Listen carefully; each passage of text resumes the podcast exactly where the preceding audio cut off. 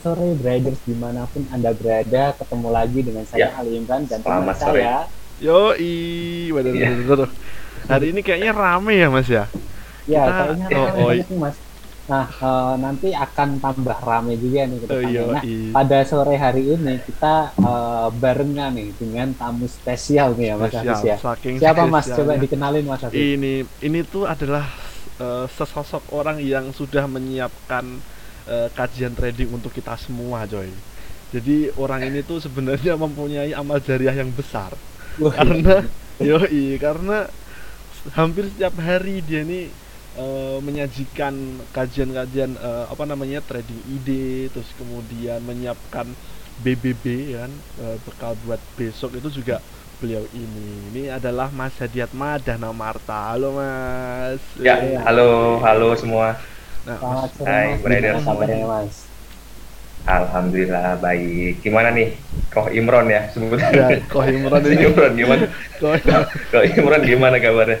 Alhamdulillah nih Alhamdulillah. Mas Koh Hafiz juga baik. alhamdulillah baik juga Koh Imran ini ini Mas Ya. apa namanya legenda ini legenda Oh, tradingnya legenda. Jogja yoi jangan ngaku Oh, anak eh, KSPM kalau nggak kenal Koh Imron weh. Ya gitu ya Koh ya Udah terkenal kan? sebelumnya enggak ini mengada-ada ini. Oke, Pak Hafiz pada hari ini kita mau Oke. bahas apa nih kok? Jadi hari ini kita akan Ya. membahas eh, indeks IDXI dividend eh, 20 dan juga mungkin kita akan karena kita sudah kedatangan tamu yang istimewa ya. Jadi kita akan eh, minta tanya-tanya juga tipsnya untuk trading yang baik itu seperti apa.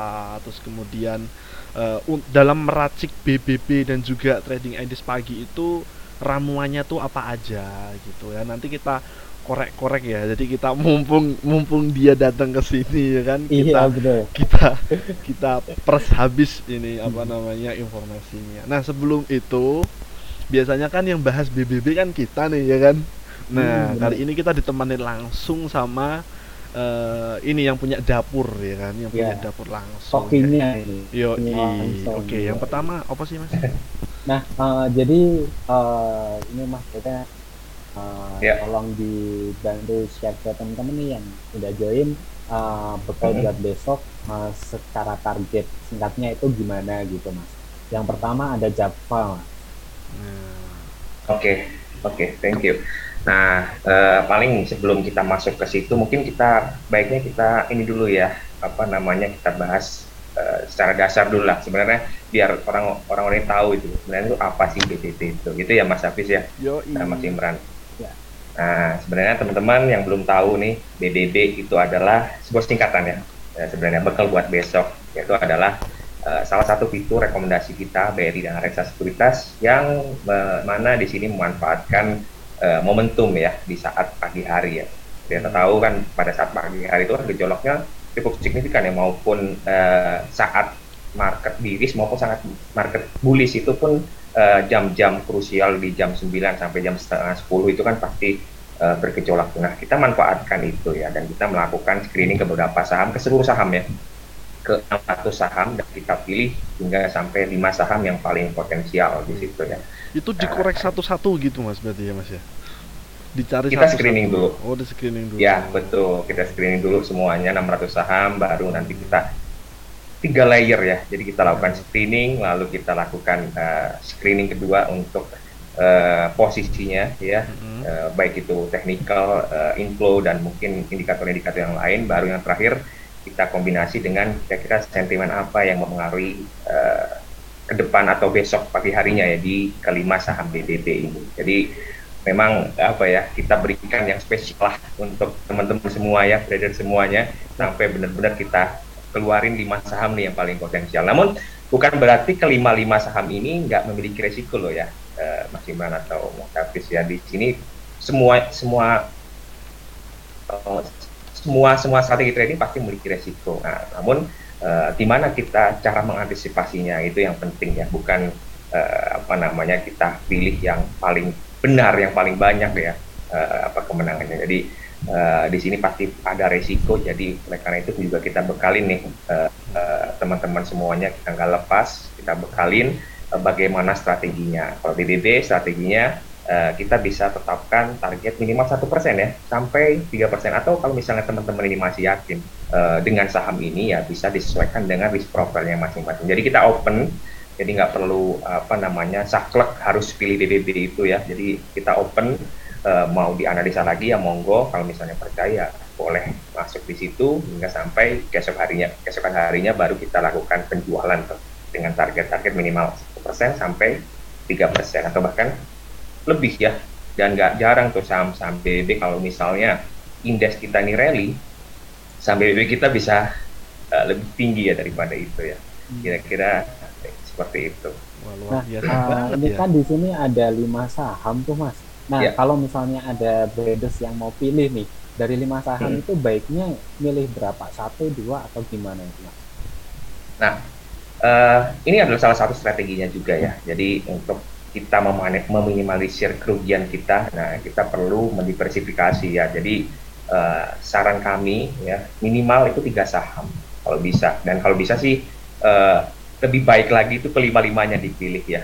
Karena memang uh, kita menebar resiko di situ dan insya Allah lah kurang lebih uh, di atas 50% profitabilitas misal tiga atau empat ini kurang lebih ya harusnya sudah harusnya tercapai gitu ya target default. Ya. Jadi paling nggak ini juga bisa. Harapannya membantu teman-teman semuanya untuk meningkatkan nilai portofolionya ya di setiap harinya maupun di akhir bulan nanti ya tipis-tipis kan lumayan tuh yeah. Iya. uh, kalau misalnya satu persen konsisten satu persen satu persen juga bisa bantu kan saham-saham atau uh, strategi yang lain yaitu swing mungkin atau mungkin long investment juga bisa jadi, Jadi sebenarnya ini ya Koh ya. Hmm. Kita tuh sebagai investor di BRI dan Reksa tuh sebenarnya sama aja koyo ibaratnya pupuk bawang gitu loh. Ya enggak sih? Ya karena semua kajian sahamnya pupuk bawang itu bahasa Indonesia-nya apa ya? Eh uh, dimanjakan gitu. Jadi oh, kita iya. tuh dimanjakan uh, kajian tradingnya udah ada, kita tinggal eksekusi aja kan ibaratnya seperti itu. Betul. Gitu pun uh, kadang kita juga miris juga loh, banyak juga teman-teman yang untuk uh, apa namanya sampai sejauh ini uh, belum menyiapkan investasinya itu uh, ini loh kadang tuh gimana gitu ya kan oke okay. mm -mm. tapi tapi yeah. gini loh mas kalau misalnya dibilang memanjakan itu juga nggak memanjakan juga ya karena oh. kami uh, di dari Generasi Sekuritas juga kita kasih training-training juga kan training-training hmm, edukasi edukasi rutin yang non-stop baik dari basic sampai yeah. advance juga jadi uh, selain dikasih pilihan kalau misalnya kita sambil belajar kita bisa langsung nih uh, untuk dapat dapat apa transaksi untuk cari cuannya itu nggak harus nunggu kita pinter dulu tapi uh, sambil kita uh, menuju ke pinter kita sudah bisa cari cuan sekalian Yo, gitu ya sambil menyelam minum air ya iya yeah. betul sambil yeah. minum susu minum ini mas ya kalau bisa minum susu iya oke Uh, ya, kita langsung okay. masuk aja nih mas. Yang pertama ada hmm. Java. Oke, okay, ya saham BBB hari ini ya. Hmm, hari ini. Nah, hari ini nih uh, ada lima saham yang kita pilih ya untuk traders maupun misalnya semuanya untuk besok ya. Dan strateginya mungkin yang belum tahu uh, ini uh, bisa dilakukan pembelian yaitu di lima menit sebelum perdagangan. Nah itu sebenarnya kenapa dipilih lima menit sebelum perdagangan tutup ya? Karena memang di jam jam-jam kurang lebih jam setengah tiga sampai jam uh, eh, 14.50 itu harga sudah settle ya. Jadi paling nggak harga itu tidak bergerak cukup signifikan sehingga resikonya itu tentu kecil ya daripada kita masuk di jam, kedua atau jam uh, setengah tiga apa setengah tiga kurang itu bisa bisa berubah cukup signifikan. Nah, kita pilih waktu yang kurang lebih mepet di jam penutupan. Kalau bisa juga belinya ya di jam 14.50 ya itu didapatnya kalau bisa di harga las ya. Jadi paling nggak kita bisa jualnya itu tepat uh, perhitungannya juga nggak susah ya kalau misalnya kita dapat di harga las besoknya kurang lebih satu persen kita tidak taking profit di situ. Nah yang pertama yaitu ada Java ya. Nah yang kalau kita lihat di sini Java secara uh, teknikal memang pada hari ini ini mengalami penguatan ya. Setelah sebelumnya uh, dia itu ada potensi, saya melihat ada potensi double top di, di situ ya. Dan ternyata pola ini ini uh, bisa cukup false ya karena memang pada hari ini dia bertahan uh, dan melewati level 1840 sehingga ini menghapus potensi double top kemarin ya yang terjadi Java dan pada hari ini dia ini menguat cukup signifikan dengan volume transaksi yang meningkat juga di atas rata-rata dan kalau kita lihat di sini dua indikator momentum. Ini indikator uh, apa leading ya, salah satu indikator leading. Nah ini menunjukkan bahwa dia itu uh, mengalami penguatan dan walaupun trennya masih di masih negatif, ini masih uh, paling nggak jangka pendek, paling nggak uh, ini bisa melakukan atau bisa terjadi peningkatan ya, yaitu kurang lebih di sekitar 1900 sampai 1915. Ini target teknikal ya. Namun sekali lagi kalau misalnya kita sesuaikan dengan target TWB ya disesuaikan ya minimal satu persen target defaultnya gitu ya. Jadi nggak perlu muluk-muluk lah hmm. gitu ya. Walaupun potensi uh, apa uh, target resistennya cukup lumayan yaitu sampai ke 1915 atau sampai ke 2000 bahkan ini ya dia akan retest potensinya ke uh, area psikologis 2000 uh, walaupun begitu karena ini BBB jadi bisa kita manfaatkan lonjakan-lonjakannya saja di pagi hari. Jadi potensinya di Java kemungkinan besok dia akan mengalami lonjakan jangka pendek mungkin di area sekitar 1915 atau mungkin bisa lebih ya. Mungkin uh, sekitar mungkin di puncaknya yang sebelumnya itu sekitar 1950 ini harusnya bisa dicapai ya. Iya. karena sektoralnya juga mendukung kemarin.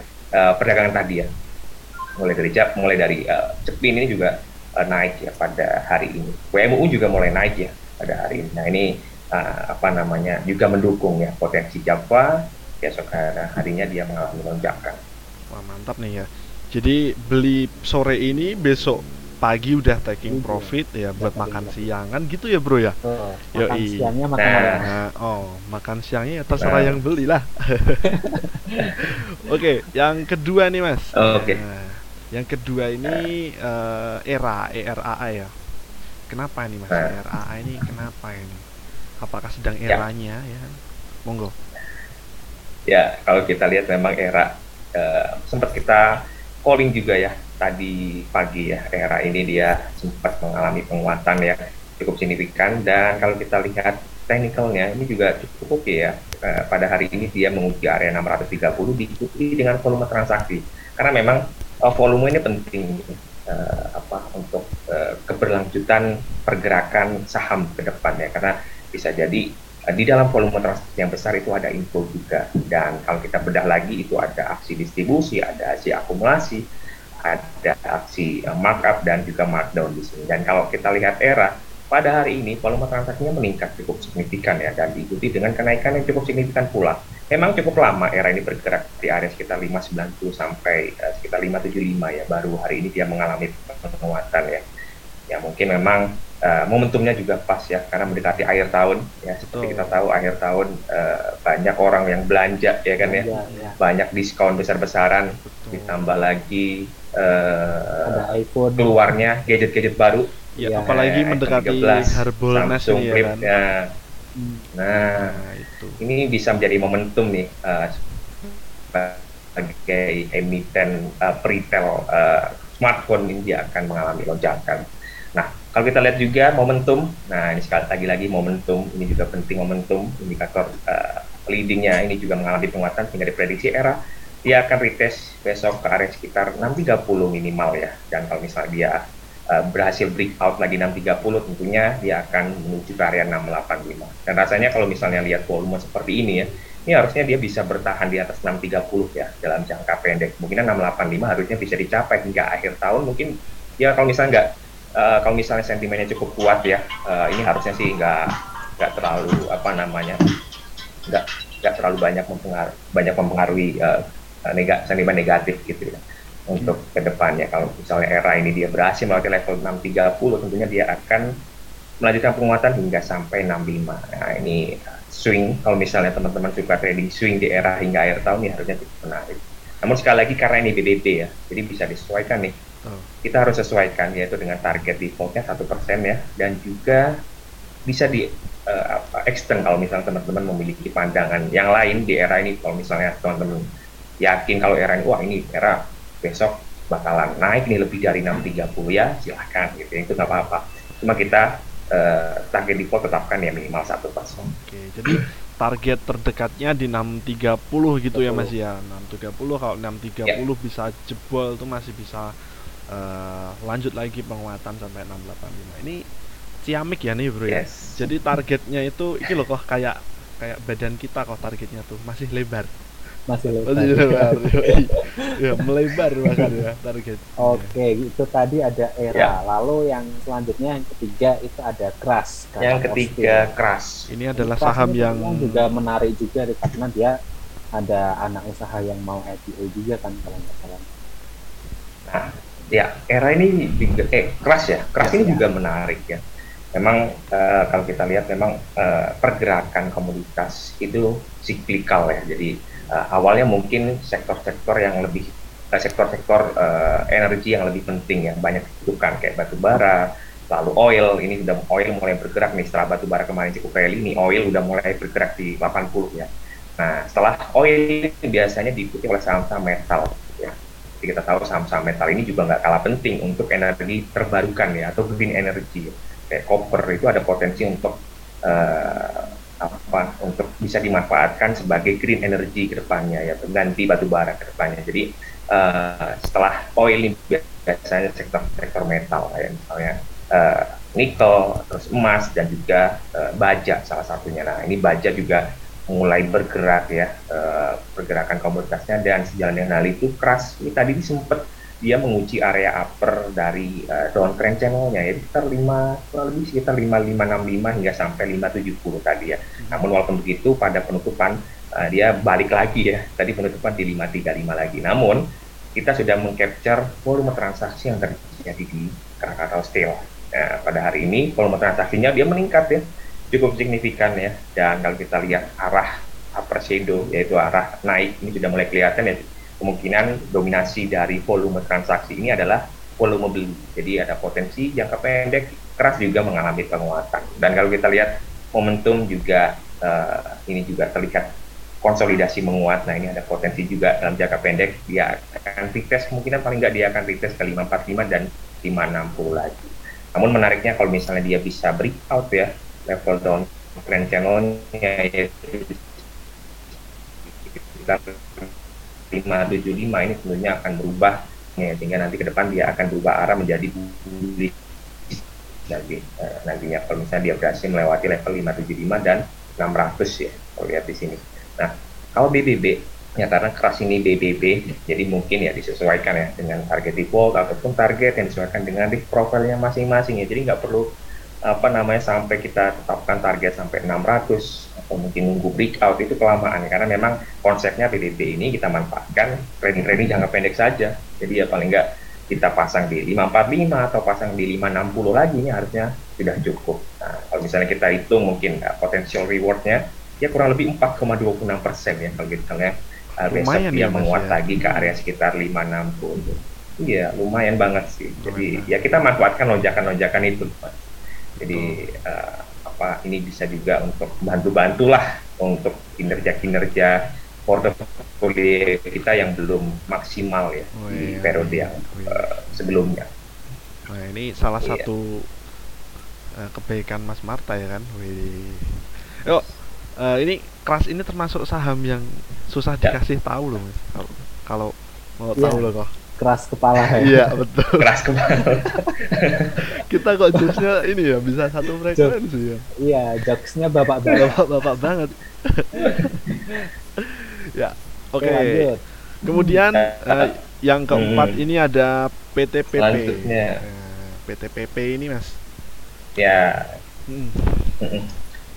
Ya ini uh, eh, PTPP salah satu sektor uh, konstruksi ya di sini ya PTPP Nah sebenarnya PTPP ini view kita uh, jangka menengah ya ini sebenarnya sudah uh, on the track ya dia setelah dia breakout rounding bottomnya yaitu sekitar lebih waktu itu kita mention di 1080 saat ini dia terus mengalami penguatan ya. Namun uh, saya melihat di sini PTPP dia masih akan terus mengalami penguatan menuju area terdekatnya si uh, pola rounding bottomnya itu sekitar 1355 jadi masih ada potensial upset yang cukup tinggi sebenarnya PTPP ini ya. Kalau misalnya yang sudah punya nih harusnya oke okay juga masih uh, untuk kita hold ya. Dan kalau kita lihat pada perdagangan hari ini sektoralnya sudah mulai bergerak ya. Walaupun sentimen uh, dari sektoral sektoral ya uh, sentimen dari uh, konstruksi ataupun uh, properti ini masih belum uh, ada yang positif namun tiba-tiba ini ada info pada hari ini ya sehingga ini membuka peluang PTPP ini dalam jangka pendek kemungkinan dia akan mengalami lonjakan atau penguatan. Dan mungkin jangka menengah hingga uh, panjang ini kurang lebih sekitar target 1355 ini harusnya bisa dicapai nih oleh PTPP kalau kita melihat formasi yang terbentuk di PTPP. Nah, pada perdagangan hari ini uh, dia menguat cukup signifikan dan diikuti dengan volume transaksi yang cukup kuat juga. Hingga hal ini uh, membuka apa uh, hingga hal ini menunjukkan bahwa daya belinya ini sedang lagi kuat-kuatnya ya PTPP ya dan kalau kita lihat juga uh, tren masih ini masih positif sehingga uh, peluang untuk PTPP melanjutkan penguatan dalam jangka menengah sampai panjang ini masih terus ada.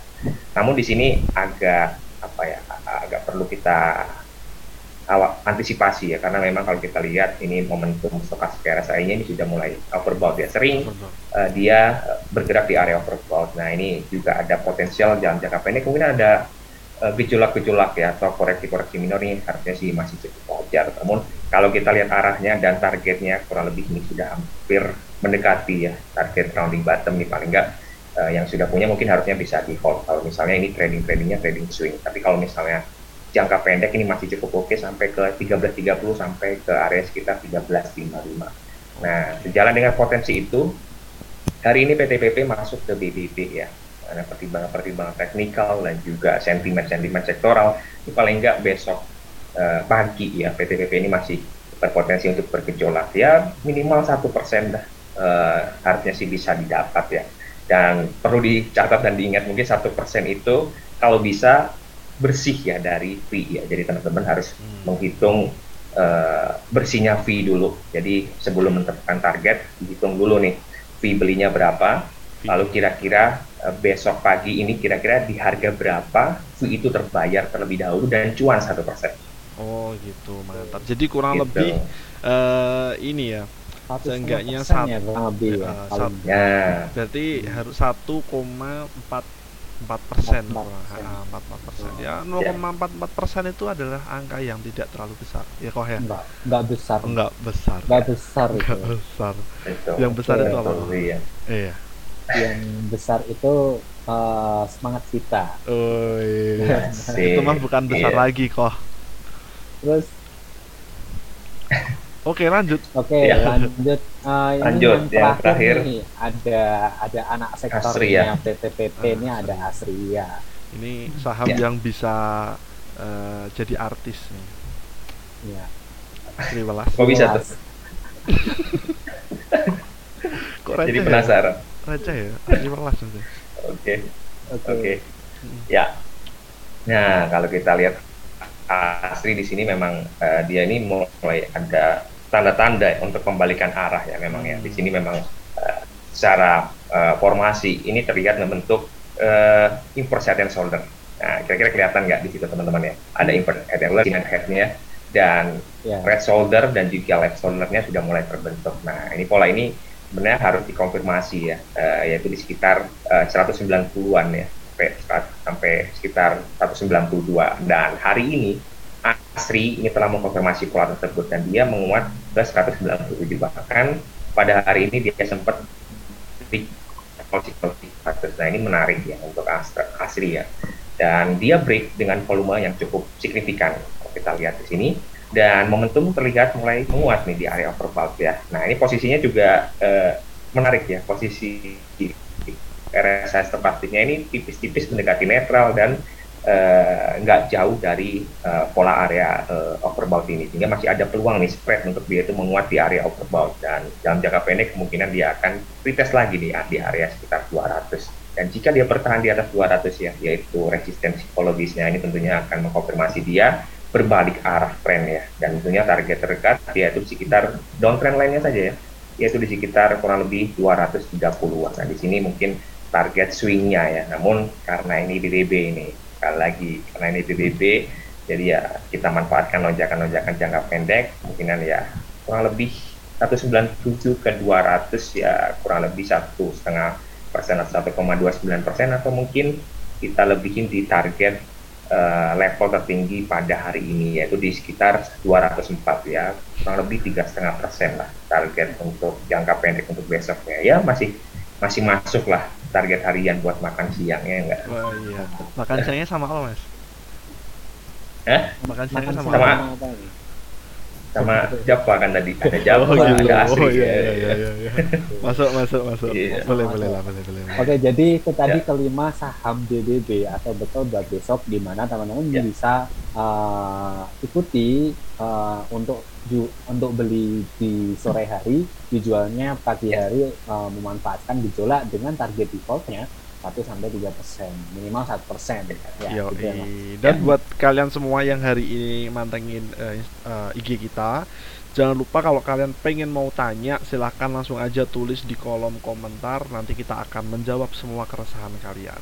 Oke. Yoi. Nih, uh, mungkin sebelumnya kita mau uh, ini ada beberapa yang sudah gabung nih. Wah, ini ada banyak banget ada uh, 2000 orang yang udah join Oh, iya. di Wow. IG. Raumum ya. Wah, Raumum. raumum, luar biasa ya. Luar biasa Not ini. general ya. Iya, ini Iya. tapi yang yang nanya itu baru sedikit nih, Mas. Iya.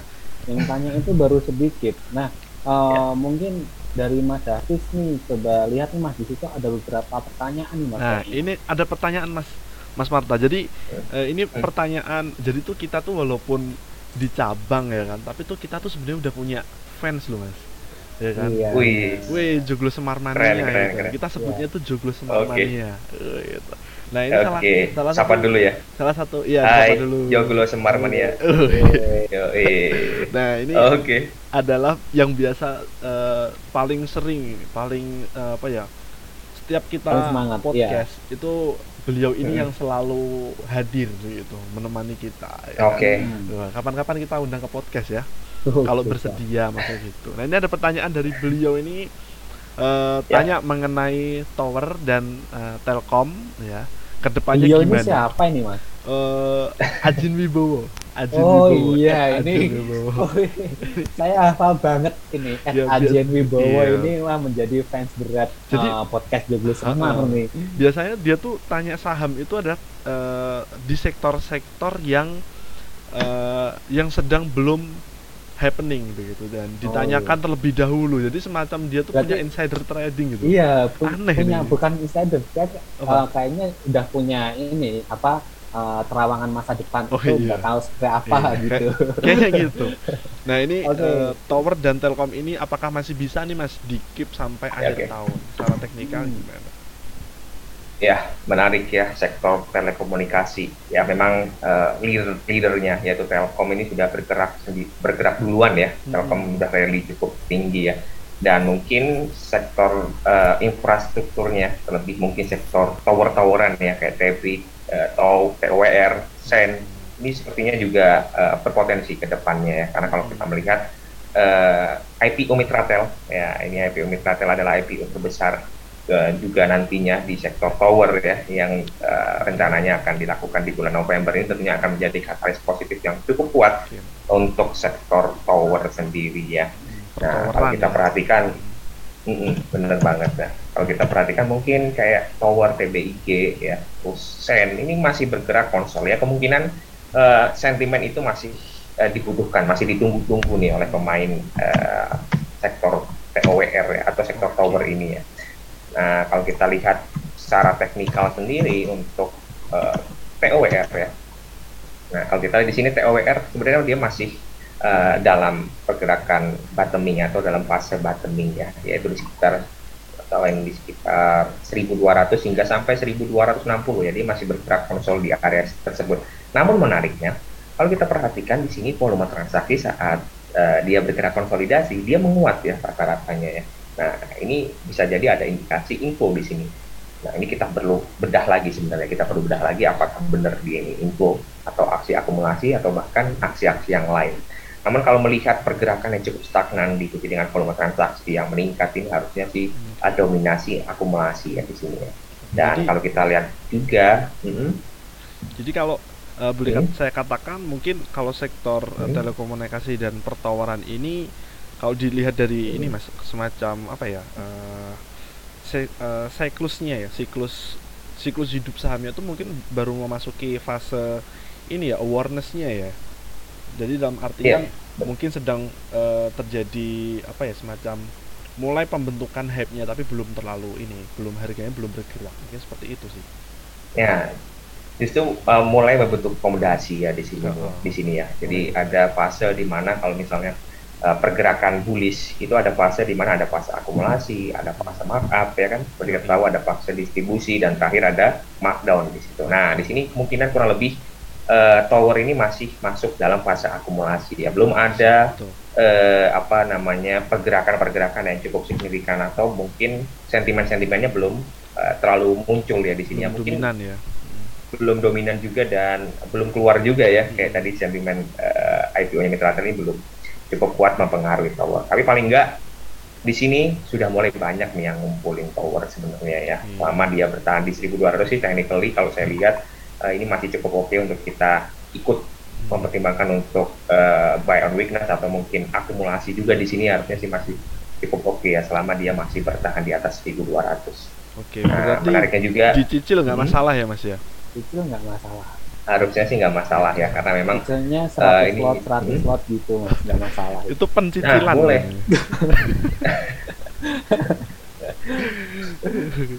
Oke lanjut ya jadi ya apa uh, ini sebenarnya momentum ya sebelum mungkin nanti uh, banyak berita terkait sentimen uh, IPO Mitratel ini tentunya peluang untuk kita melirik nih, mulai melirik saham-saham sektor kayak apa tower ini uh, akan berpotensi ke depannya. Dan selama dia bertahan di 1200 ini harusnya masih cukup oke, okay. momentum juga masih tetap terjaga di area netral nih, masih cukup oke okay juga technically. Dan trennya masih gini, masih bergerak konsolidasi sebenarnya ya. Jadi tidak ada tekanan-tekanan yang berarti atau tekanan-tekanan yang uh, jual yang cukup kuat sehingga harusnya power lebih uh, jangka pendek maupun jangka menengah ini masih menarik untuk kita perhatikan. Jadi benar nih apa namanya terawangan dari ibu siapa tadi? Uh, Ajin. At Ajin Wibowo. Nah, ini. dari Mas Aji ini ini luar biasa ya terawangannya juga uh, apa namanya bisa juga nih jadi patokan ya kalau kita lihat memang cemerlang ya. Ini, memang okay. beda ini. Memang beda Belum bergerak Orang ya. itu memang beda mas ini mas. Iya. Berbahaya ini kalau sebenarnya. Iya. Oke, lalu temennya Mas ada Telkom. Iya, Telkom nih Mas. Uh, Telkomnya sendiri ya. Nah, kalau Telkomnya sendiri sebagai leader ini sempat kita ulas hmm. waktu itu setelah dia keluar dari fase konsolidasi yang cukup besar ya waktu itu di area sekitar 3000 hingga sampai 3640.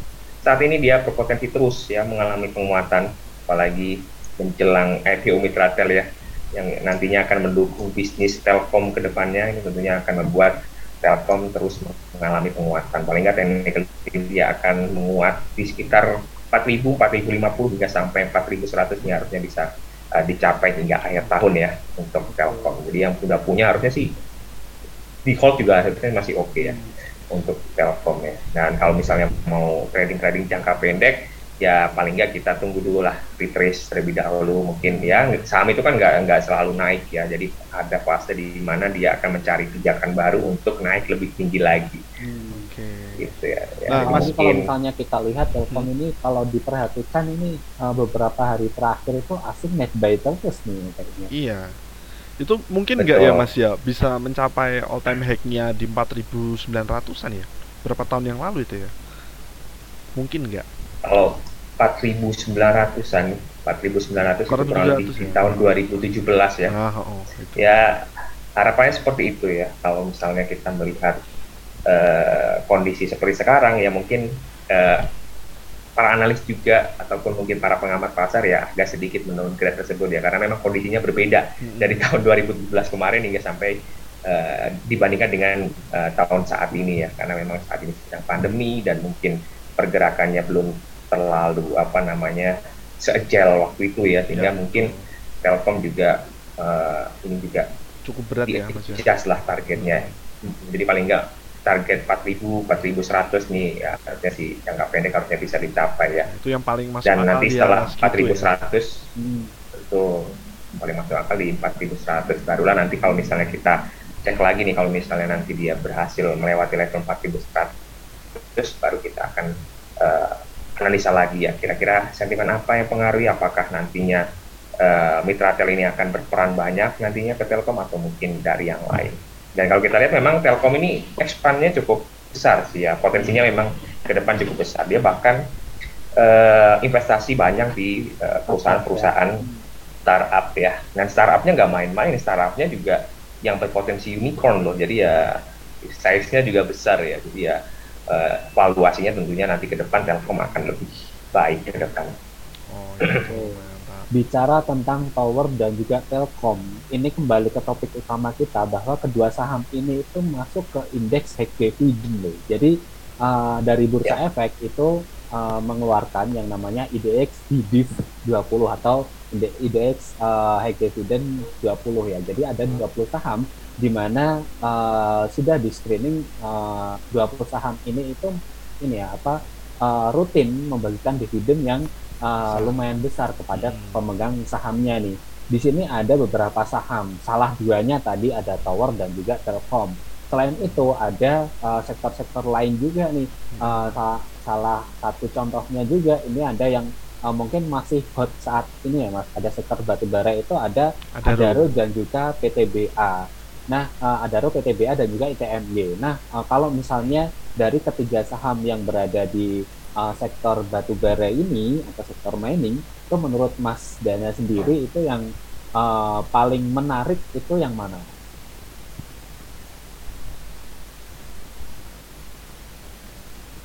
Masih kayaknya nih.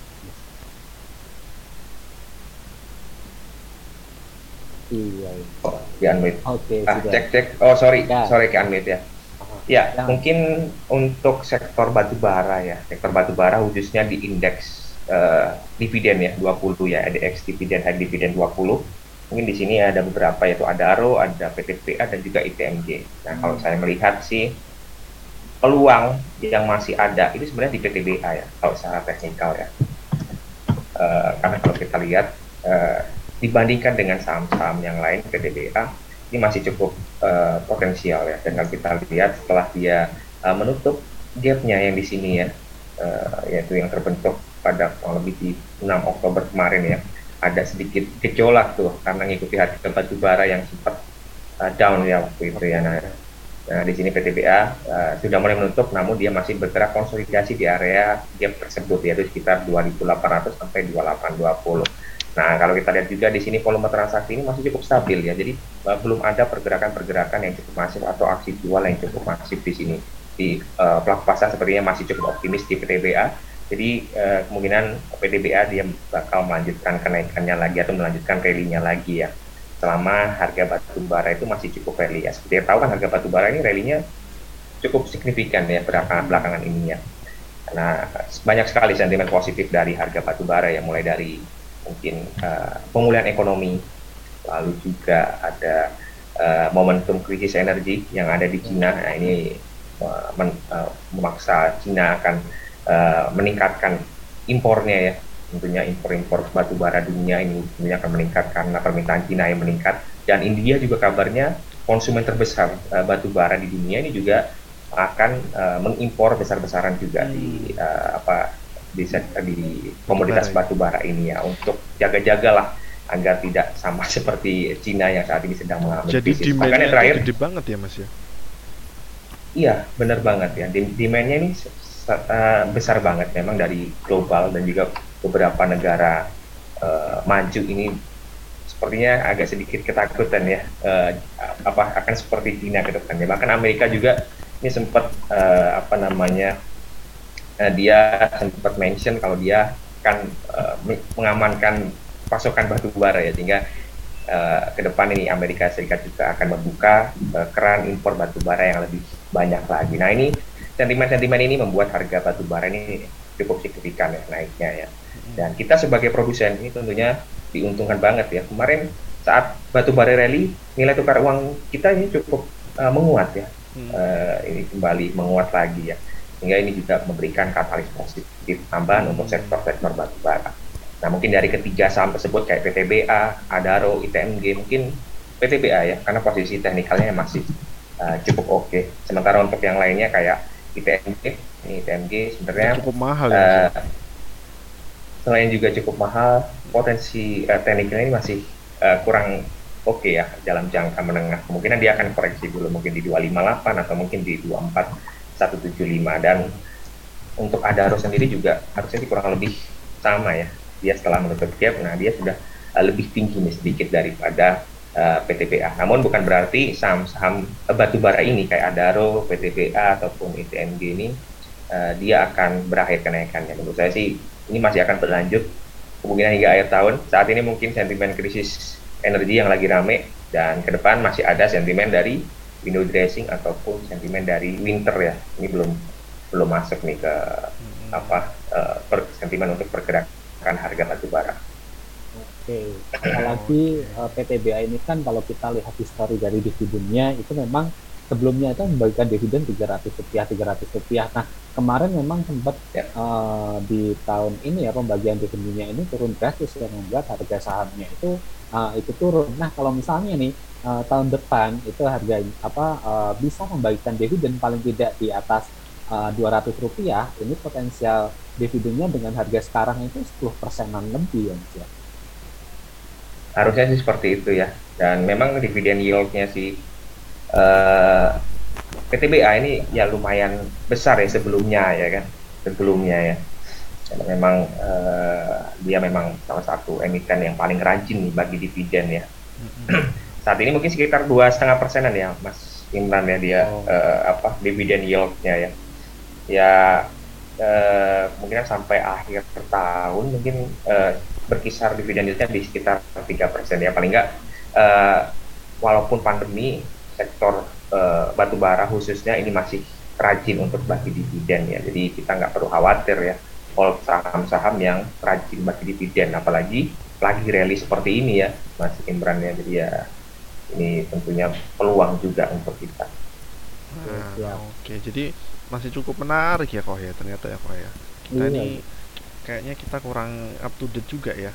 Nah, hmm. kalau kita bicara hari ini nih Mas Marta, hari ini itu kan ya. marketnya lumayan ya, lumayan bersahabat dan uh, khususnya untuk sektor infrastruktur nih dan properti kayaknya hari ini mereka sedang uh, unjuk gigi ya. Nah, kira-kira uh, tadi kan ada PP, PTPP juga tuh nah hmm. masuk ke dalam uh, eh, BBB ya nah kalau yang hmm. lainnya nih mas misalnya kayak Wika terus kemudian Waskita itu kan uh, secara apa ya secara fundamental misalnya kayak Waskita itu kan uh, secara fundamental uh, tidak bukan tidak ya kayaknya sedang berada di fase yang belum diuntungkan seperti itu nah itu kira-kira uh, secara teknikal gimana tuh mas? Ya Ya, uh, sektor sektor uh, konstruksi ini sebenarnya adalah sektor yang uh, cukup uh, berat ya di saat pandemi seperti ini ya. Banyak banget katalis-katalis uh, negatif memang pada awalnya seperti pemberhentian uh, atau posponnya proyek-proyek strategis ya pemerintah, lalu juga belanja pemerintah ini juga mulai dikurangi untuk membangun infrastruktur seperti yang kemarin. Namun menariknya ya karena ada SWF mungkin ya, jadi masih potensi ke depannya um, pembiayaan proyek-proyek sektor-sektor konstruksi ini akan masih berpotensi berjalan ke depannya. Nah, kalau untuk sektoral ya, untuk Wika mungkin selain PTPP dan uh, Waskita, sebenarnya yang menarik itu justru kalau kita bicara terkait saham yang bisa dikolek untuk swing, itu menurut saya Waskita. Hmm, waskita malah ya. Karena kalau kita lihat restrukturisasinya uh, ini sudah mulai berjalan dan juga dia mulai invest beberapa jalan tol ya dan ini uh, sedikit melegakan keuangan dia tentunya ya dan secara teknikal sendiri pas kita ini masih cukup murah dibandingkan kedua temennya tadi ya PTPP sama Wika yang udah naik cukup signifikan ya hmm. Nah pas kita sendiri ini baru saja nih mulai mengkonfirmasi pola inverse head and shoulder-nya yaitu sekitar 950 uh, sampai resistensi psikologi 1000 ya bahkan dia belum berhasil melewati level 1035 nih Mas Abis. Ini masih menarik ya. Hmm. Kalau misalnya dia breakout level 1035 tentunya dia akan mengalami bullish reversal dan menguat paling enggak terdekat di 1140 dan target uh, pola import and solidnya sendiri yaitu di sekitar 1200. Jadi potensial uh, rewardnya ini kurang lebih ya sekitar 20 persen, hampir 20 persen. Ya. Ciamik ya ini ya. Jadi, jadi ini menarik banget. Besok iya. langsung HK ini, was kita. Wah. Rong puluh persen gue nek dari uang eh? Nek dari Juta. uang itu dapat dua ratus ribu. Wih lumayan ya. Lumayan. Lumayan, lumayan loh ini.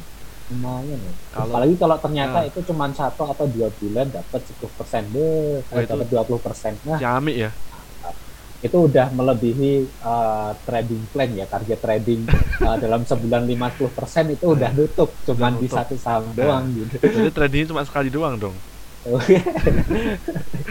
gitu. Oke, okay, mungkin uh, iya. karena waktu sekali sebulan dapat 20% ya udah diem gitu biasanya. Udah, udah iya, diem, diem aja udah target. Cuman hmm? tergantung modalnya nih. Kalau modalnya cuma sejuta ya ya nggak apa-apa butuh kerja keras lagi. Iya betul. Sebenarnya mau seberapa pun uh, modal kita itu nggak masalah ya. Yang penting hmm. adalah uh, bagaimana kita bisa mengelola uh, money management itu supaya nanti hasilnya bisa lebih maksimal seperti itu. Oke, jadi itu uh, tadi sudah kita bahas beberapa saham uh, yang prospeknya itu ke depannya bagus nih. Salah beberapa nya itu dia masuk indeks uh, high dividend 20 seperti tadi ada Tower, ada hmm. Telkom, lalu ada uh, ada Ro, lalu sebenarnya ada masih banyak lagi nih dan hmm. nggak mungkin kalau misalnya kita mau bahas-bahas uh, bahas satu-satu karena di sini ada 20 saham. Ada Adaro, ada Astra, BCA, BNI, Mandiri, BRI, ada Cepin juga temennya Java tadi, ada Bidang Garam HMSP, ada Indofood, lalu INTP, TMG, KLBF, LTPF, Pegas, PTBA, Telkom, Tower, ONTR dan juga Unilever. Nah, Lengkap mungkin ya. next time apa ya. Uh, ini saya sambil baca skrip. Oh, gitu. Kirain tadi sebelum sebelum podcast sudah ngapalin dulu. Oh, tadi sebenarnya sudah ngapalin Mas, hmm. cuman ya karena faktor usia ya Mas. Oh, Masih iya. 20 tahun tapi kok udah kelupa gitu loh. Hmm. Oke, okay, kita akan bahas lagi okay. next uh, pertemuan. Karena uh, waktu yang terbatas kita nggak mungkin bahas satu-satu. uh, kita akan ketemu lagi di sesi-sesi berikutnya di podcast Joglo Semar yang pastinya membahas tema-tema yang asik dan fantastis. Betul. yang Mas Yo, buat teman-teman yeah. yang tanya belum kita jawab jangan berkecil hati. Uh, insya Allah nanti di minggu depan boleh join lagi boleh tanya lagi insya Allah akan kita bahas. Dan yang ketinggalan dari awal kegiatan pada sore hari ini belum sempat uh, ngikutin kita dari awal kalian bisa mendengarkan podcast ini melalui Spotify di channel podcast Joglo Semar. Oke? Okay? seperti itu ya terima kasih Mas Marta sudah ya. sempat ya. hadir di podcast kita matur suwun sangat. Kita tunggu di Jawa Tengah gitu amin. amin amin. Oke, itu terima kasih semuanya Salam okay, selamat thank sore. you semua. Sore. sore.